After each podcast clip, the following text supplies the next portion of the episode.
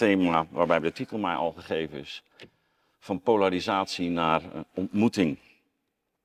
En inderdaad, de afgelopen jaren ging het natuurlijk steeds vaker over deze polarisatie. We leven, je zou het bijna zeggen, in een tijd van polarisatie. Of het nu de politiek betreft, de boeren die optrekken tegen Den Haag. Ehm, dan wel de politiek die optrekt tegen de ongevaccineerden. Uh, thema's die inderdaad uh, niet alleen in de publieke ruimte leven, maar ook in de kleine kring, zoals we net ook uh, hebben gehoord. En die families uiteenrijten, zoals dat vroeger nog wel eens placht te gebeuren bij een conflict, of de duivel nou al dan niet gesproken had in ehm, het paradijs. En naar welke dominee je ging. Wat dat betreft um, is polarisatie niet iets nieuws, maar zien we uh, dat we uh, heden ten dagen met een eigen vorm uh, te maken hebben. En ja, die vorm die, um, wil ik hier graag met jullie overdenken. Hegel zegt, filosofie is haar tijd in gedachten gevat. En Hegel is de denker van het, de logos, de speculatieve filosofie, waarin um, hij meende de tijd te kunnen doorzien en in haar logische structuur te kunnen uh, begrijpen. Nou, ik neem wel wat van Hegel over en tegelijkertijd um, onderscheid ik me ook graag van hem. Maar het speculum, de spiegel, die uh, interesseert mij hier bovenmatig. De spiegel, de tijd ook als spiegel. In onze bespiegeling van de tijd moeten we kijken naar wat de tijd onszelf eh, te denken geeft of voorspiegelt. En ik wil de tijd niet zozeer vatten in uh, gedachten, maar misschien iets meer nog in denkbeelden.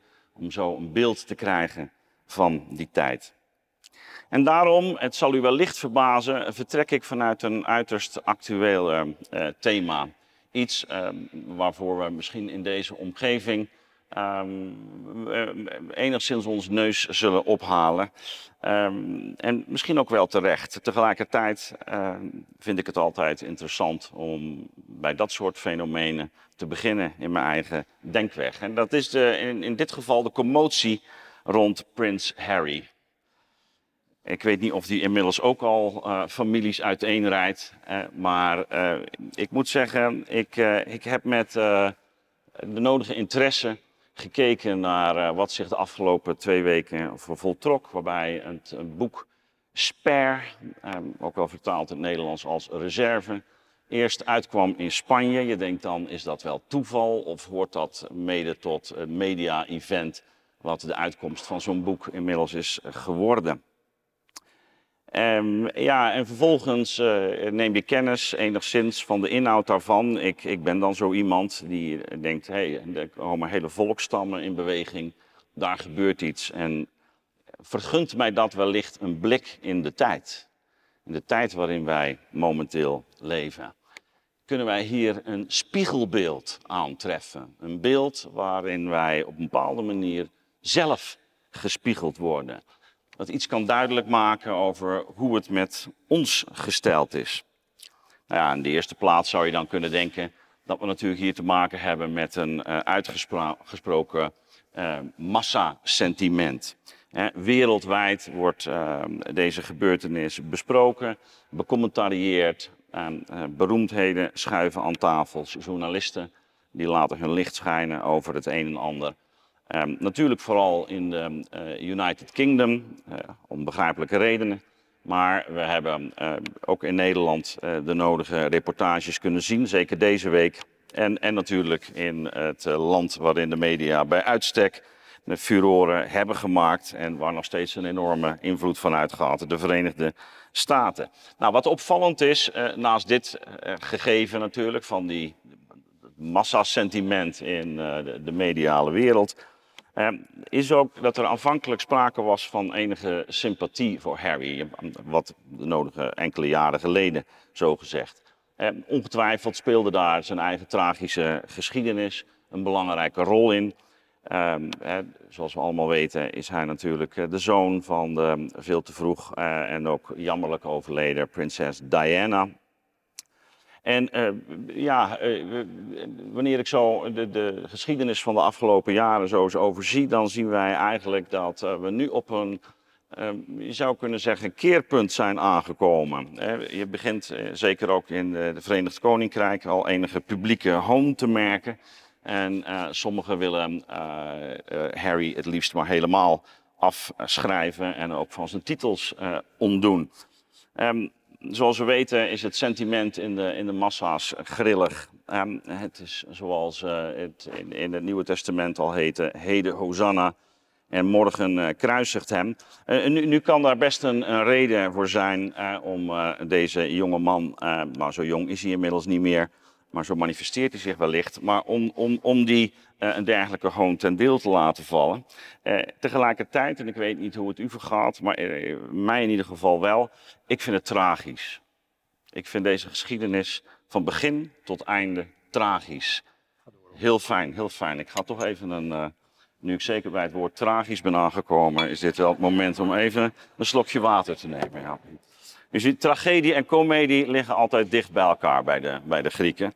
En um, uh, om met uh, Zizek te spreken, hè, wat uh, eerst begint als tragedie, eindigt als klucht. En misschien is de, is de klucht die zich hier voltrekt wel de eigenlijke tragedie.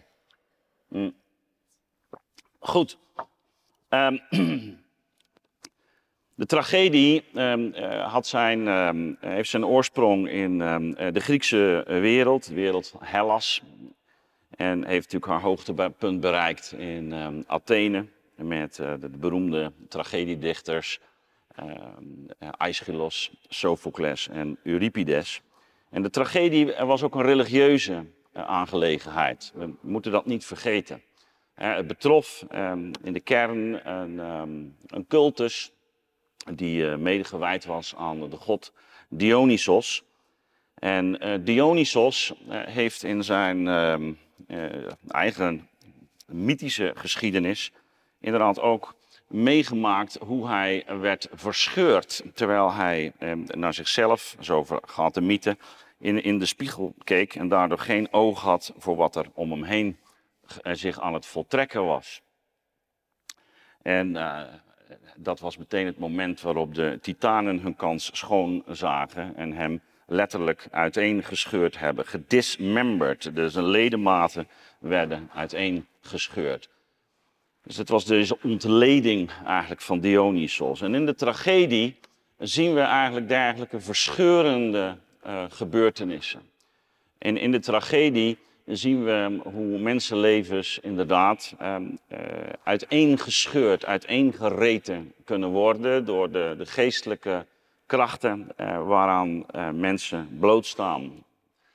Uh, verblind soms door hun eigen ideaal, verblind soms door hun eigen moraal en idee van wat goed is. Om uiteindelijk achter te komen dat dat een eenzijdigheid betrof. En zo wordt het eigenlijk het, leven van mensen uiteengereten. Wel nu, Harry is een kind van zijn tijd. En uh, wij zijn natuurlijk allemaal kinderen van onze tijd. En uh, in die tijd bestaat er zoiets als een mentaliteit of een tijdsgeest. En mijn opzet is om, naar aanleiding eigenlijk van de gebeurtenissen die zich rond uh, Harry hebben afgetekend, om iets meer zicht te krijgen op uh, de geest van onze tijd, onze eigen geestesgesteldheid en hoe daar iets tragisch in zit. In de zin van hoe wij verscheurd raken en waar dat mogelijk mee te maken zou kunnen hebben. Nou, laat ik uh, in ieder geval beginnen met de opmerking, en dat zal u allemaal wel bekend voorkomen, dat deze tragedie van Harry en um, Harry een, um, een uitdrukking is van een gemedialiseerd bestaan. Een bestaan dat eh, mede vorm krijgt in in de biotoop van media. En we hoeven daarbij niet alleen te denken aan um, uh, de kranten en televisie, maar uh, welke media dan ook, ook de sociale media. Wij leven met elkaar een hoge mate een gemedialiseerd bestaan, waarin wij onszelf voor een aanzienlijk deel ervaren mede gemedialiseerd, dus door die genoemde media.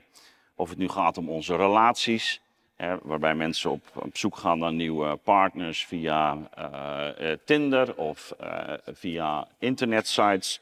Of contacten onderhouden met hun uh, naaste familie, zoals dat ook voor mijzelf geldt, even voor de duidelijkheid.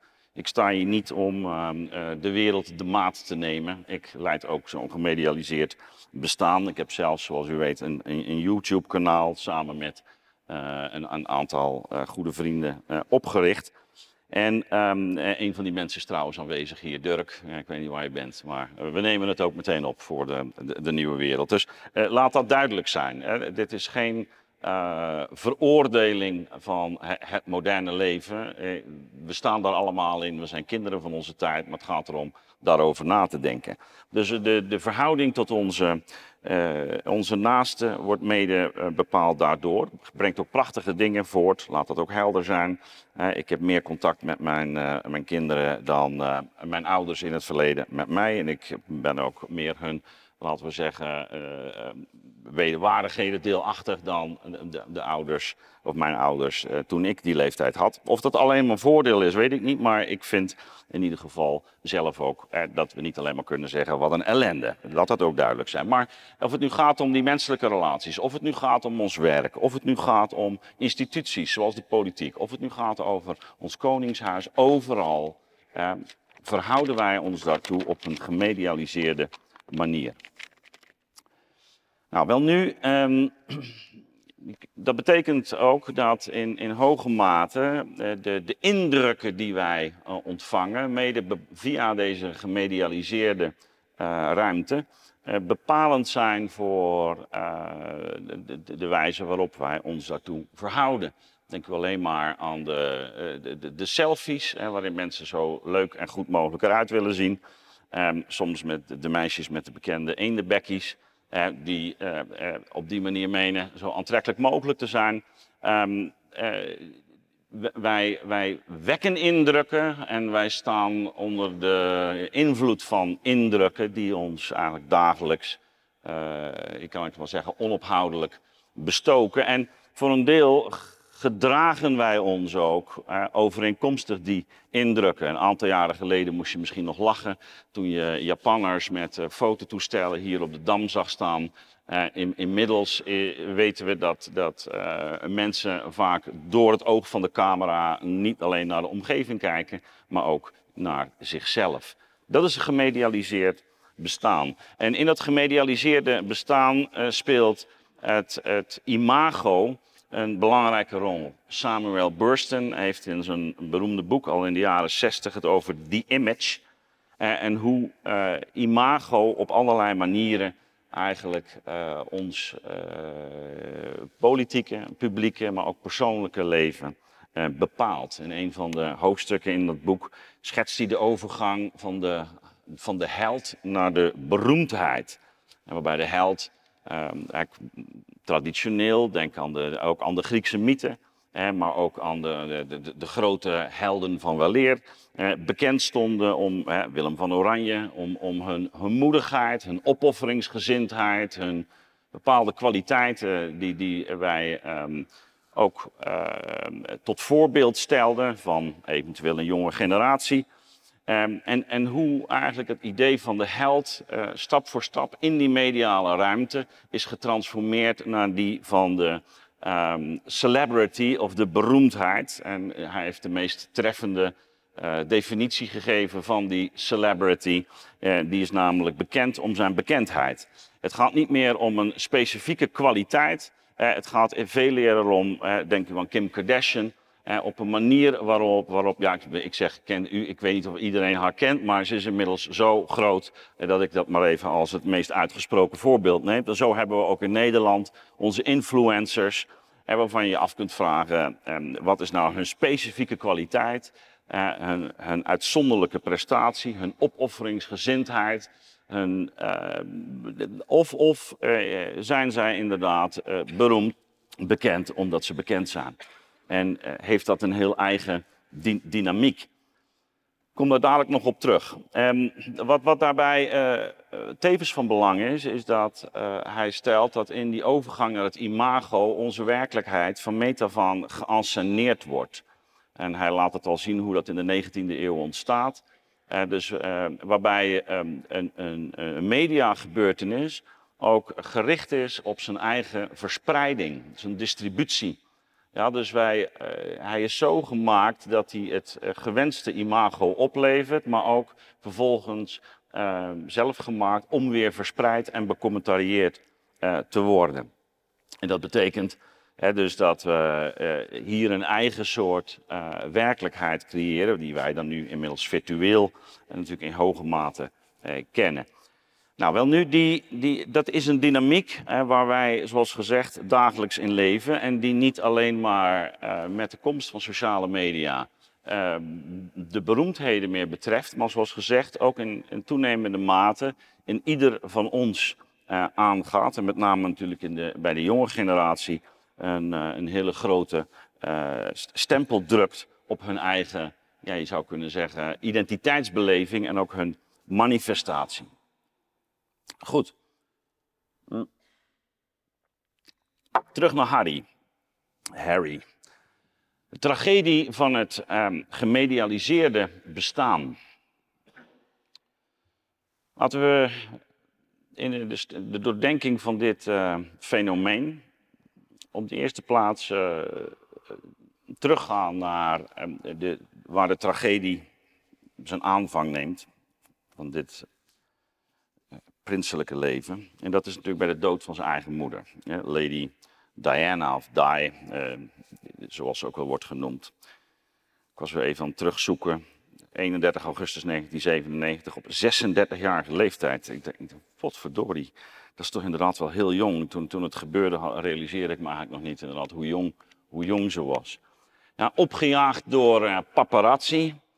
Uh, um, in een um, ik zou kan zeggen, in een uh, omgeving die zelf het karakter aanneemt van een, een reality show.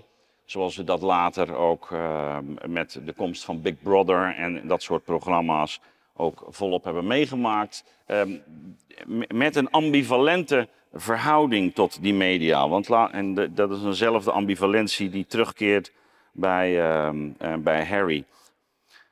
De, ambivalentie waarin um, je aan de ene enerzijds probeert die media te ontvluchten en aan de andere kant uh, gebruik maakt van diezelfde media om uh, zaken in gang te zetten en je ongenoegen te uh, uiten, eventueel je wraak te nemen ten aanzien van de, de misdaden of de, de, de moreel verwerpelijke daden die jou ten deel zijn gevallen. En ook dat herkennen we. Ja, dus de, media zelf ook als de, een plek waar een strijd wordt geleverd. Dan houdt u dat uh, element vast. Natuurlijk uh, is het Koningshuis in dit verband een, um, een bijzonder uh, instituut. ook, ook zelf niet alleen regelmatig object van um, de, de, de roddelpers, maar het wordt ook natuurlijk nagespeeld in allerlei series die wij de afgelopen jaren hebben kunnen zien, waaronder recent nog The Crown, eh, maar ook uh, van vroegere uh, helden en heldinnen à la Elizabeth of Edward. Kortom, um, zij hebben al van zich uit, en, en dat hoort bij, ik bijna kan zeggen, de archetypische betekenis van zoiets als een uh, koninklijk instituut, iets wat spreekt tot de verbeelding. Denk alleen al aan de sprookjes die wij kennen over koningen, koninginnen, prinsen. En um, dat betekent dat uh, dergelijke uh, figuren niet alleen maar een, een, een, betekenis hebben op het niveau van het particuliere, hè, deze of deze en gene persoon, maar dat er een zinnebeeldige betekenis aan hangt. Waarin mensen zich ja, eigenlijk een beeld vormen van het, het leven, maar ook van de, de manier waarop um, jezelf van prins tot koning kunt worden. Kortom, transities, ja, die worden doorlopen in het, in het bestaan. Wel nu, eh, het is dus ook niet verwonderlijk dat eh, de, de reële figuren, zoals een werkelijk koningshuis, dus regelmatig in de schijnwerpers staan. En ik, ik werk, werk hier ook met de dubbelzinnigheid van dat woord.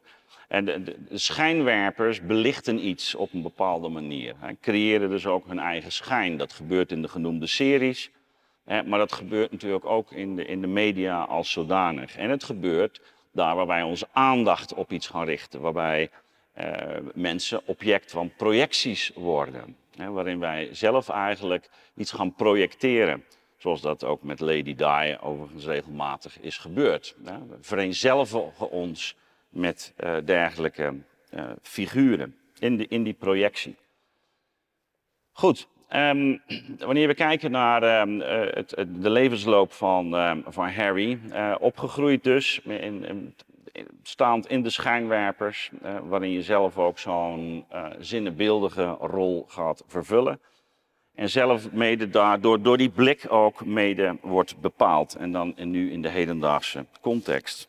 We weten, hij is militair geworden, heeft uh, gediend in Afghanistan, boordschutter geweest op een uh, Apache. En um, um, zoals weer inmiddels duidelijk is geworden, daar heeft hij ook een aantal mensen, uh, en heeft het precieze aantal genoemd, en daar is ook heel veel commotie over ontstaan, 25 gedood.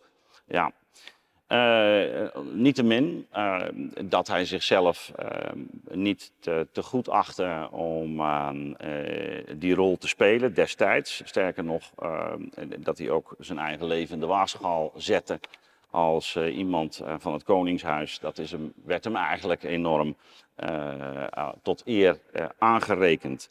Uh, daarna is hij uh, in 2013 begonnen met de zogenoemde Invictus Games, de, waarin hij de slachtoffers uh, die gevallen waren tijdens niet alleen die oorlog, maar überhaupt als, als militair, op allerlei manieren en zou kunnen zeggen ook psychologisch heeft ondersteund door spelen te organiseren waarin slachtoffers van dergelijk oorloggeweld uh, ja, eigenlijk een, een, nieuwe eigenwaarde konden uh, krijgen. Houdt u dat woord ook vast.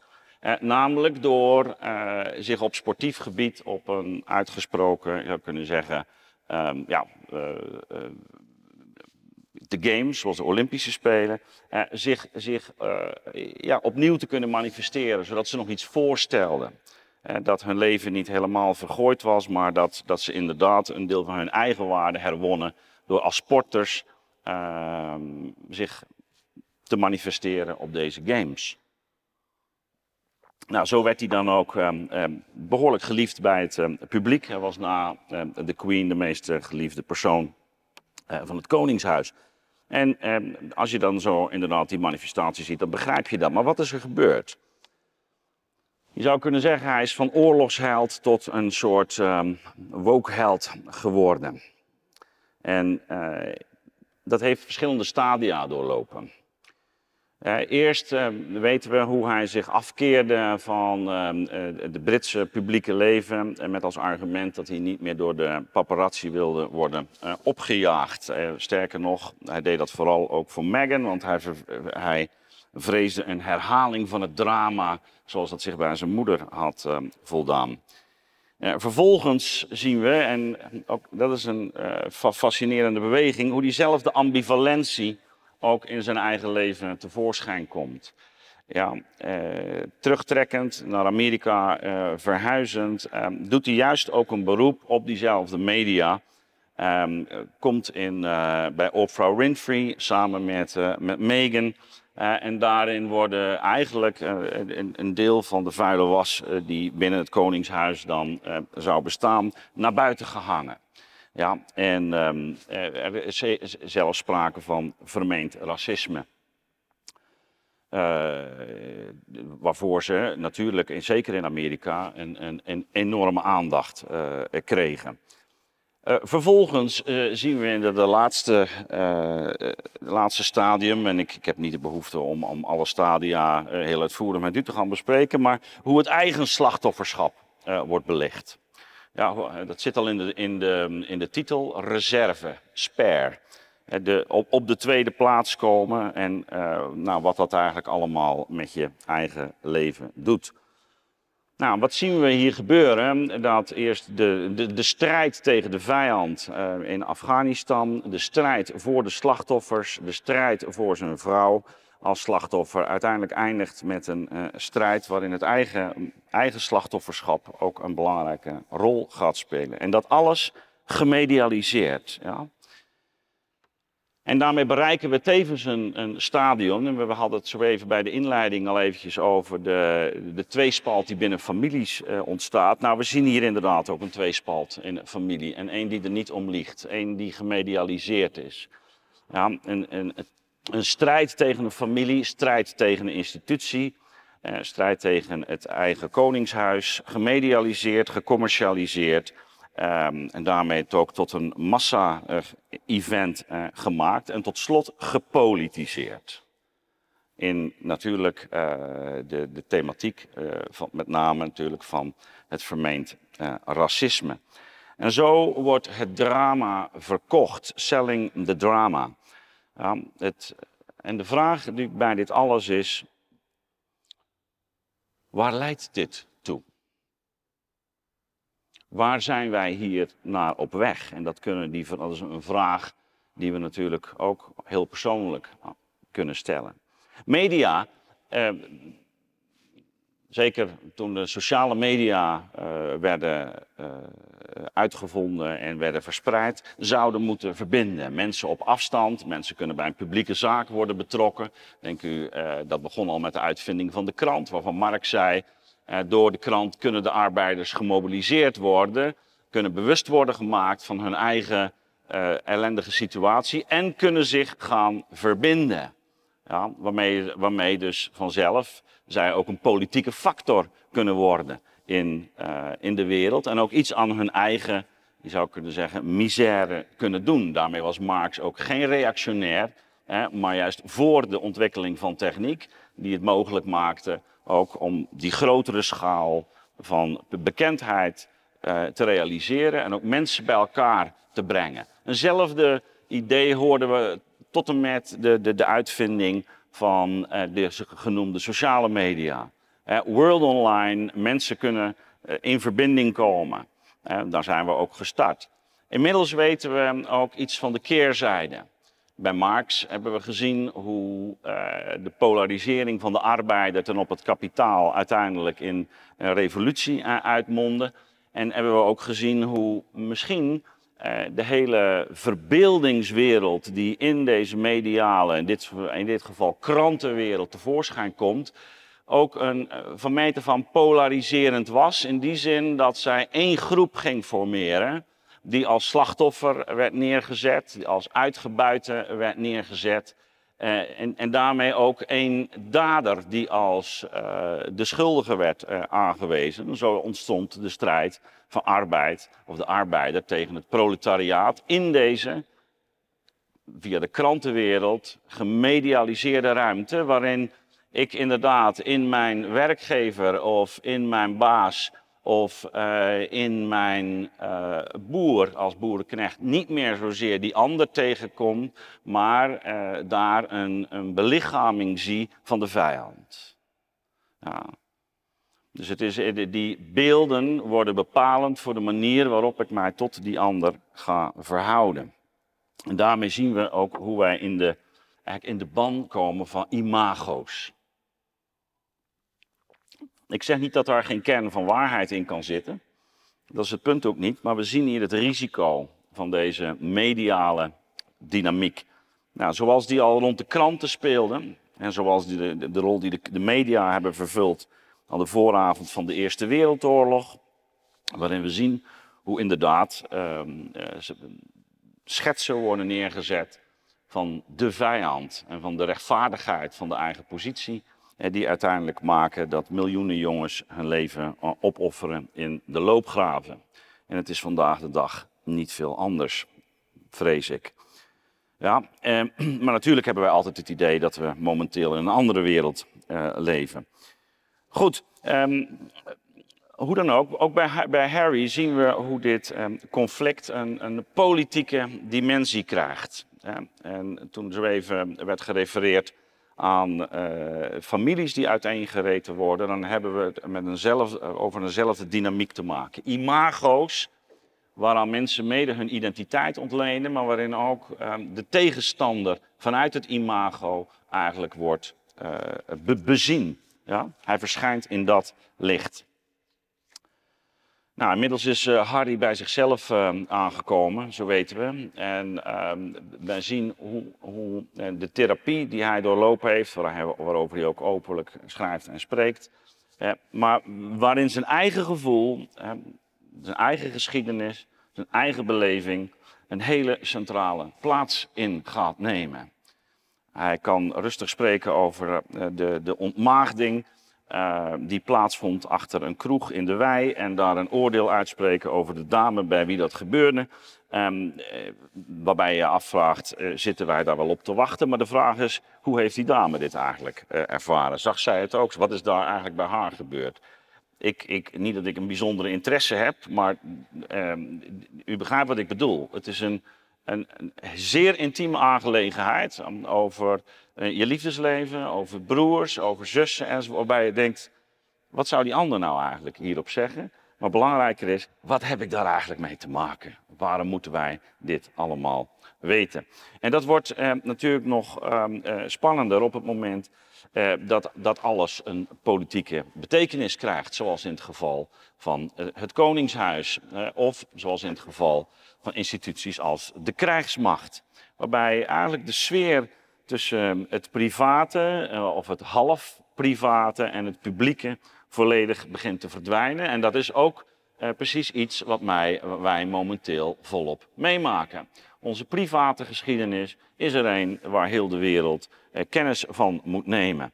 Ja, en ehm, wanneer je een aantal jaren geleden naar de Jerry Springer Show zat te kijken en je verbaasde over hoe mensen bereid waren om hun meest private ruzies voor het uh, grote publiek neer te zetten. Inmiddels heeft dat dus ook, en dat waren over het algemeen, dagje wat asociale of mensen uit een lager milieu. Inmiddels is dat een, een, een, een algemeen gedeelde praktijk geworden die ook eh, nota bene het Engelse Koningshuis, dat juist zo bekend staat om zijn vormelijkheid, het onderscheid tussen privaat en publiek, heeft bereikt. Uh, um, de woorden van um, de Queen, never complain, never explain, zijn hier wel heel erg uit het uh, oog verloren. um, en, en, wat bij ken, kenmerkend was voor de adellijke omgang, namelijk de loyaliteit, loyaal, niet voor niets het woord, het eergevoel, ja, maar ook daarmee het, niet groter maken van zichzelf, de dienstbaarheid, ja, het primaat van uh, juist het, gemeenschappelijke, dat is hier inmiddels wel heel ver op de achtergrond. En daar komen we ook iets tegen van de tragedie die zich aan het voltrekken is. Het eigen gevoel en de eigen beleving zijn zo leidend geworden. Het eigen, de ervaring van slachtofferschap. Dat het tot een publieke aangelegenheid is gemaakt. Waarbij nota bene, en het lijkt wel de Jerry Springer Show, ook tegelijkertijd de oproep wordt gedaan tot verzoening. Dus door, door middel van de publieke openbaarheid en het toch min of meer te schande maken van je naaste, hoop je een verzoening te bereiken. Nou, ik denk dat, dat de weg daar naartoe niet bepaald makkelijker is geworden. En dat precies de medialisering van conflicten dat in toenemende mate ook in de weg staat precies voor zover wij daarmee ook uh, eigenlijk de, uh, het, datgene wat tot de eigen levenssfeer behoort, een, een, betekenis hebben gegeven die die eigen levenssfeer zwaar overstijgt. Gepolitiseerd of, of gemassaliseerd. Wel nu, bij dat alles valt nog één zaak op en dan ga ik ook toe naar mijn eigen tijds duiding en hoop ik naar de, de, de, de verzoening toe te bewegen en de ontmoeting. Namelijk uh, het spreken in termen van slachtoffers en daders. En ook dat is zeer herkenbaar heden ten dagen. In een van de recente interviews zag ik deze week hoe de beschuldiging van racisme inmiddels werd geherformuleerd door Harry zelf als I never said that, het, gaat over um, unconscious bias. Onbewuste vooringenomenheid. Onbewuste vooringenomenheid. En, en dat vond ik een interessante. Ja? Want wat is precies onbewuste vooringenomenheid? Je zou kunnen. En als we die woorden serieus nemen, wat is de eigen onbewuste vooringenomenheid? Wellicht van Harry of wellicht van ons. De onbewuste vooringenomenheid. Je zou kunnen zeggen, juist daar ehm, eh, moeten wij op zoek naar de ontmoeting. De ontmoeting waarin we als spiegel kunnen functioneren voor elkaar. Ehm, en dat vereist natuurlijk een, eigenlijk een dubbele beweging. Zowel van openheid, waarin je te goede trouw bent ten aanzien van eh, de ander. Eh, maar ook een zekere je zou kunnen zeggen, beslotenheid, waarin je er samen uit wilt komen.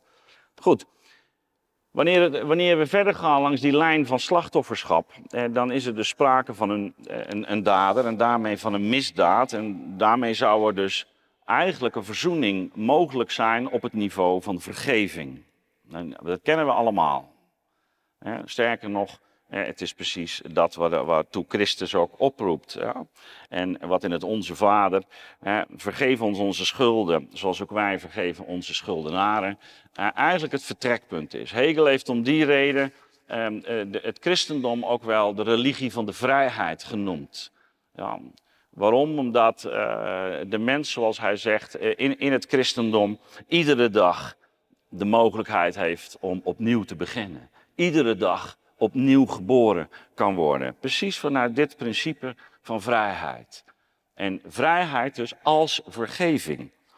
Wel nu, wanneer er dan sprake is van misdaad, slachtofferschap en daders, en eh, het wemelt inmiddels van deze dialectiek in onze samenleving, eh, dan zou je eh, kunnen zeggen dat dit is een, een wederkerige beweging waarin de een over de brug moet komen Ehm, en, en, de ander over de brug moet komen. De een misschien moet instemmen dat wat hij gedaan heeft uh, wellicht niet helemaal goed was, of de ander heeft gekwetst. En de ander de bereidheid moet hebben om hem die daad te vergeven. Nu is er natuurlijk een, een mogelijkheid dat de, de ander die tegenover mij staat, eh, zeker wanneer zijn daden steeds onbewuster begint te worden, eh, zelf niet meer goed weet wat er aan de hand is. En dat degene die hem toch als dader ziet, eh, de neiging heeft om hem precies dat te gaan verwijten. Sterker nog, de ander tot dat kwaad te gaan reduceren. Er ontstaat hier eigenlijk een hele troebele situatie. Eh, degene die van geen, zich van geen kwaad bewust is of onvoldoende van kwaad bewust is, de ander die juist uh, kwaad blijft. Hey. En dan verschijnt eigenlijk iets interessants, want in twee keer verschijnt het kwaad, namelijk eh, zich van geen kwaad bewust zijn en het kwaad blijven. En dat maakt deze dynamiek al behoorlijk lastig. En ook dat herkennen we, denk ik, uit onze uh, persoonlijke levenssfeer. De ander die jij iets verwijt, terwijl de ander misschien niet helemaal jouw verwijt deelt of begrijpt, zich niet helemaal van dat kwaad bewust is en jij die kwaad bent. En, en je zegt, ja maar nou gebruik je het woord in een dubbele zin. Het ene kwaad als een moreel uh, ongepaste daad en het andere kwaad als het sentiment hè, uh, waarin ik die ander op een bepaalde manier bejegen. Ja, dat klopt. En toch hebben die met elkaar te maken.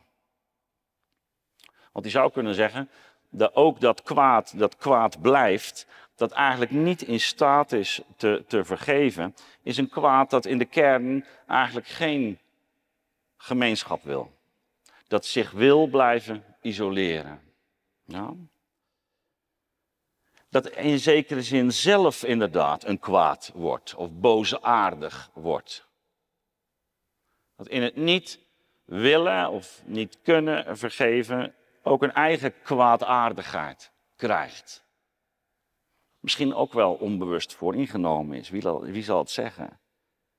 En daarmee ehm, raken wij aan wat, wat, wat Hegel in zijn fenomenologie van de geest zo treffend heeft uitgewerkt als de, de, de, de, de kwaad en het geweten.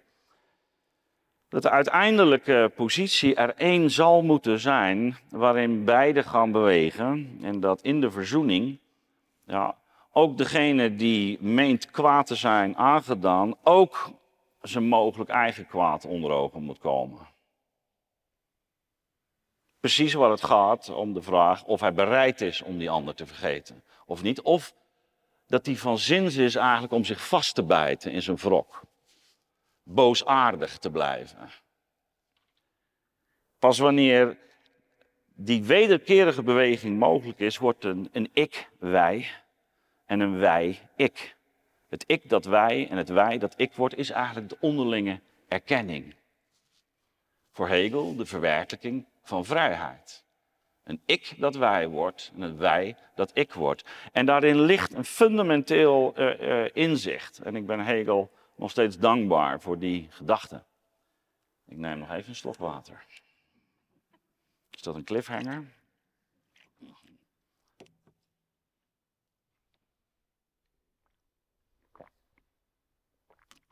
Namelijk dat hier het primaat van de wederkerigheid centraal staat, waarin geen van de beide polen zichzelf verabsoluteert in zijn eigen gelijk en in zijn eigen oordeel. Ja, dus nog een keer.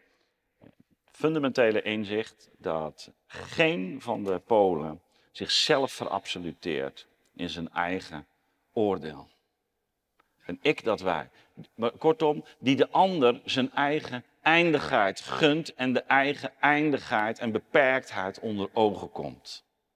Ja, fundamentele, een ik dat wij en een wij dat ik is.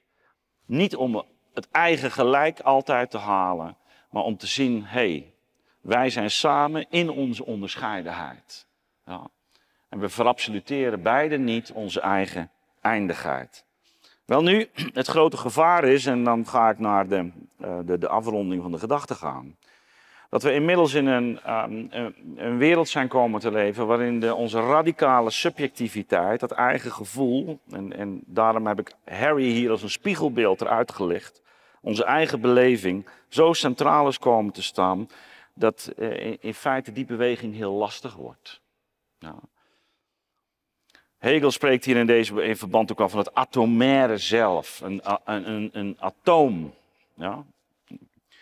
Uh, wij niet meer in staat zijn om open te gaan, open te breken. De verbinding uh, aan te gaan. Opgesloten in zichzelf. Navelstaarderig in zichzelf. En daarin ontstaat uiteindelijk ook het gevaar dat, dat eigenlijk het leven een eigen leegte krijgt. Ja? En dat dit uh, onbehagen ja, ook weer geëxternaliseerd wordt en aan een ander geweten wordt, die de dader is van het eigen onbehagen. Kortom, dat men zich gaat wentelen in, het, in, het, uh, uh, in de eigen verongelijkheid, in het eigen slachtofferschap.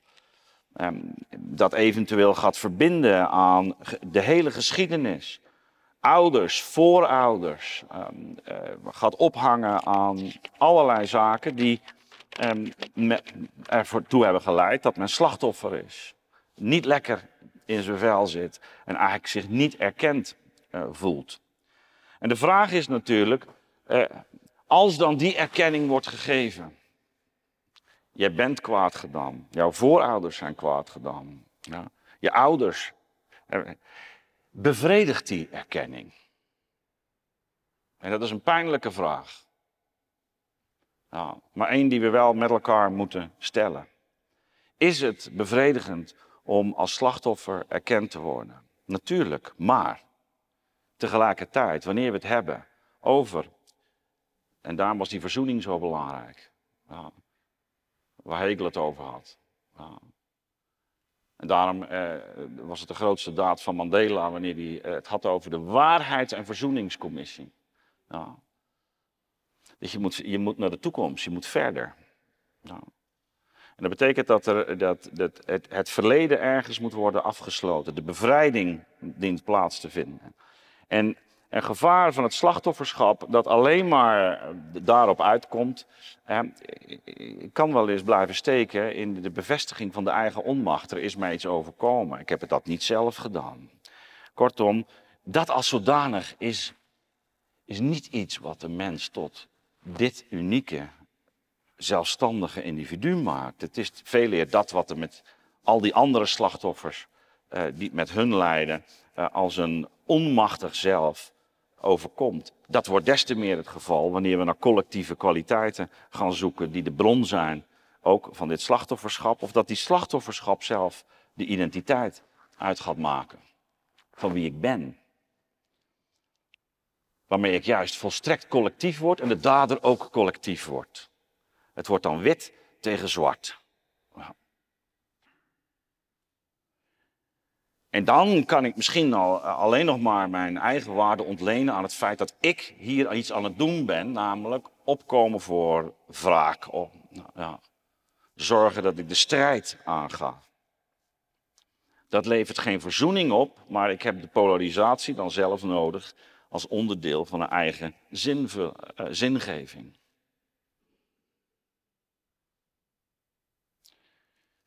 Ik zeg niet dat Harry hierin blijft steken, maar we zien het gevaar van een zelf dat eigenlijk leeg blijft en zijn vervulling moet gaan vinden in een um, beweging van, van strijd. Nou, volgens Aristoteles is de mens een gemeenschapswezen. Hegel sprak over het ik dat wij wordt, het wij dat ik wordt. Dat betekent dat wij op pad zijn als mensen, van jongs af aan, om volwassenheid te bereiken. En wat is die uh, volwassenheid? Om met Kant te spreken, ben ik dan een persoon. En wat betekent dan dat ik in staat ben de ander als een persoon te achten? Daarom worden kinderen nog niet als persoon uh, veroordeeld wanneer ze een misdaad hebben. Ze zijn eigenlijk zelf nog niet werkelijk persoon. En uh, daarmee kunnen ze ook nog niet de waarde van de ander als persoon uh, voldoende achten.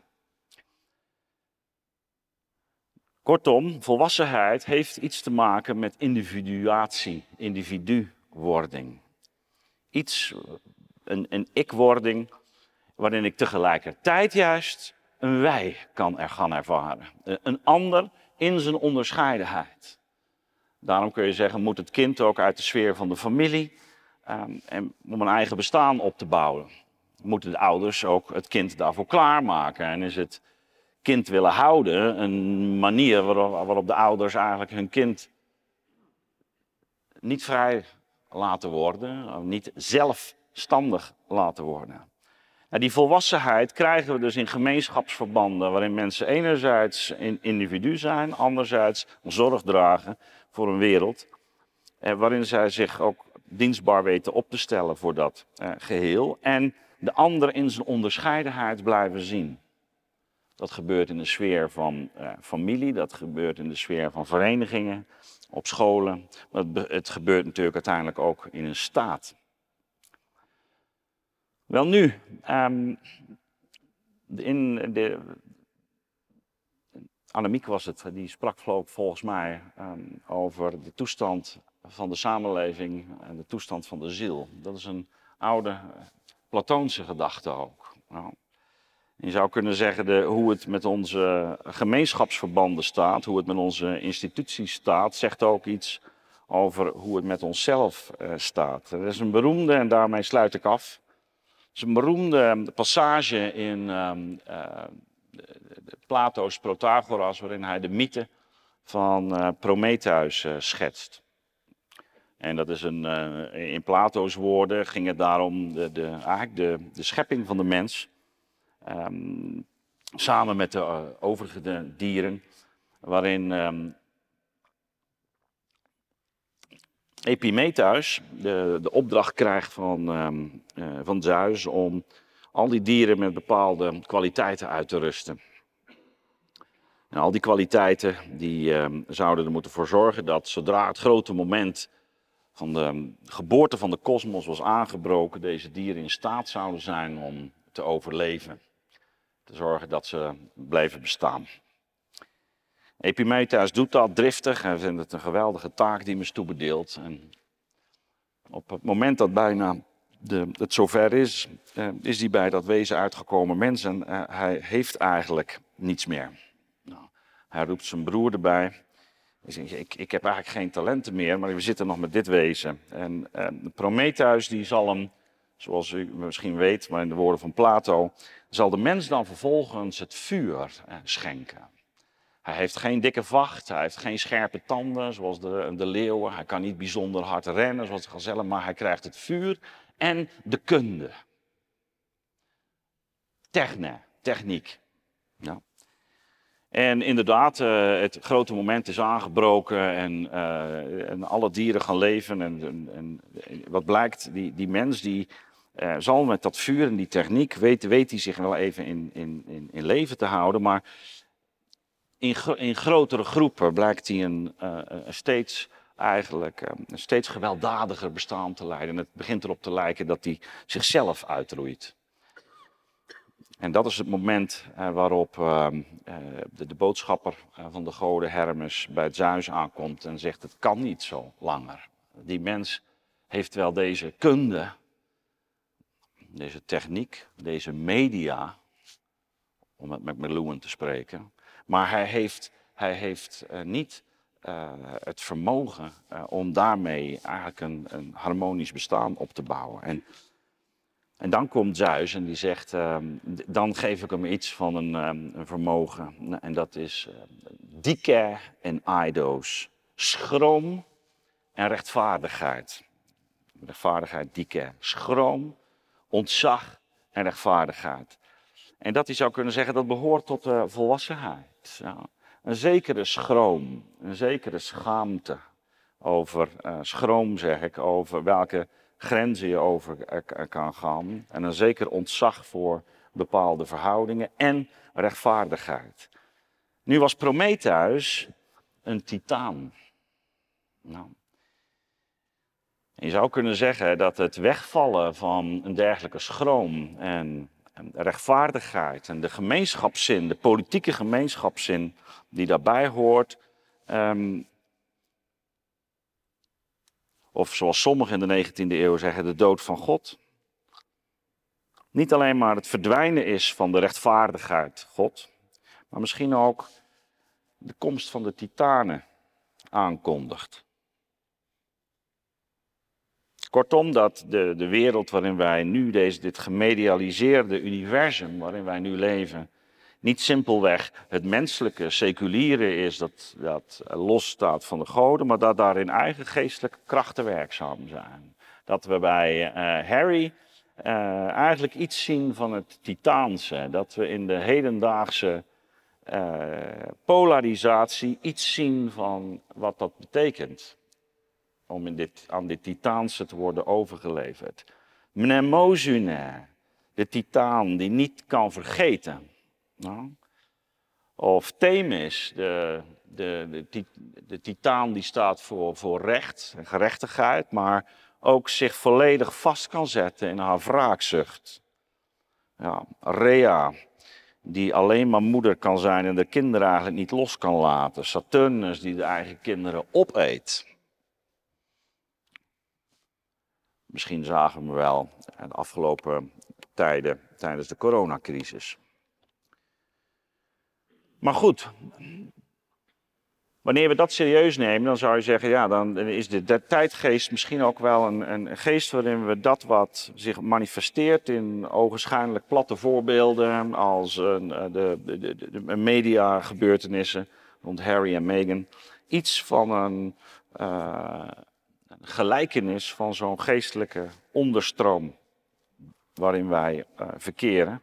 En dat daarmee in de kern ook alleen maar een, een, uh, het antidotum, uh, het, het, antwoord, ook geestelijk kan zijn. Nou, wellicht dat we daar nog over kunnen spreken met elkaar na afloop. En dat begint, misschien met een, een, een, besef dat wanneer we het hebben over geestelijkheid, we niet simpelweg moeten denken aan dat wat louter in een boek staat, maar dat wat zichtbaar om ons heen zich zich kan manifesteren als je er maar oog voor hebt, een oor voor hebt en de taal voor hebt om dat onder, onder woorden te brengen. En dan zou het kunnen dat die spiegel van um, Dionysos, in plaats van dat we daar naar onszelf kijken, dat we beginnen inderdaad met de ontmoeting. Dat die ontmoeting met die ander wellicht ook ons ontvankelijk kan maken voor onze eigen schaduw. Voor het titaanse wellicht dat ons dreigt te verscheuren. En daarmee zou je kunnen zeggen, het doet het ook een oproep om de identiteit nou juist niet in abstracta te zoeken. Nee, er is geen Nederlandse identiteit, er is geen Duitse identiteit, er is geen Russische identiteit. Heel het begrip van identiteit als dat van collectivistische arbeider is, is juist een. een uh, nee, de, vraag is: is er gemeenschap? Dat is een heel, en die is er zoiets als een, als een land wat je met elkaar deelt. Waarin je uh, oog hebt voor wat zoiets als een gemeenschap is. In haar eigen schakering, in, met alle onderscheidingen die daarbij horen. En ik denk dan, dan is het de wezenlijke uh, beweging is er een waarin we niet louter op onszelf gericht zijn, maar de ander iets kunnen gunnen. Om te beginnen zijn vrijheid. En dat de ander ons iets kan gunnen. En dat we beiden eigenlijk dankbaar zijn voor wat ons gegund wordt. En dat daarin zijn eigen uh, begrenzing zit, maar ook zijn eigen rijkdom. En dat precies die beweging er een is die uh, ten diepste geestelijk van aard is. Die ooit de mythes is uitgedrukt. En wij mogen denken dat we ons van die mythische horizon hebben bevrijd. Het zou kunnen dat we meer bevangen zijn door deze wezens dan we door hadden. En misschien inderdaad onbewust voor ingenomen zijn. En dan begint het eigenlijk met het eh, kijken naar de ander, het ontmoeten van de ander, om ons mede van onze eigen onbewustheid bewust te worden, om te beseffen dat alleen in die beweging wij uiteindelijk volwassen kunnen worden en een rijker geestelijk leven kunnen hebben. Dankjewel.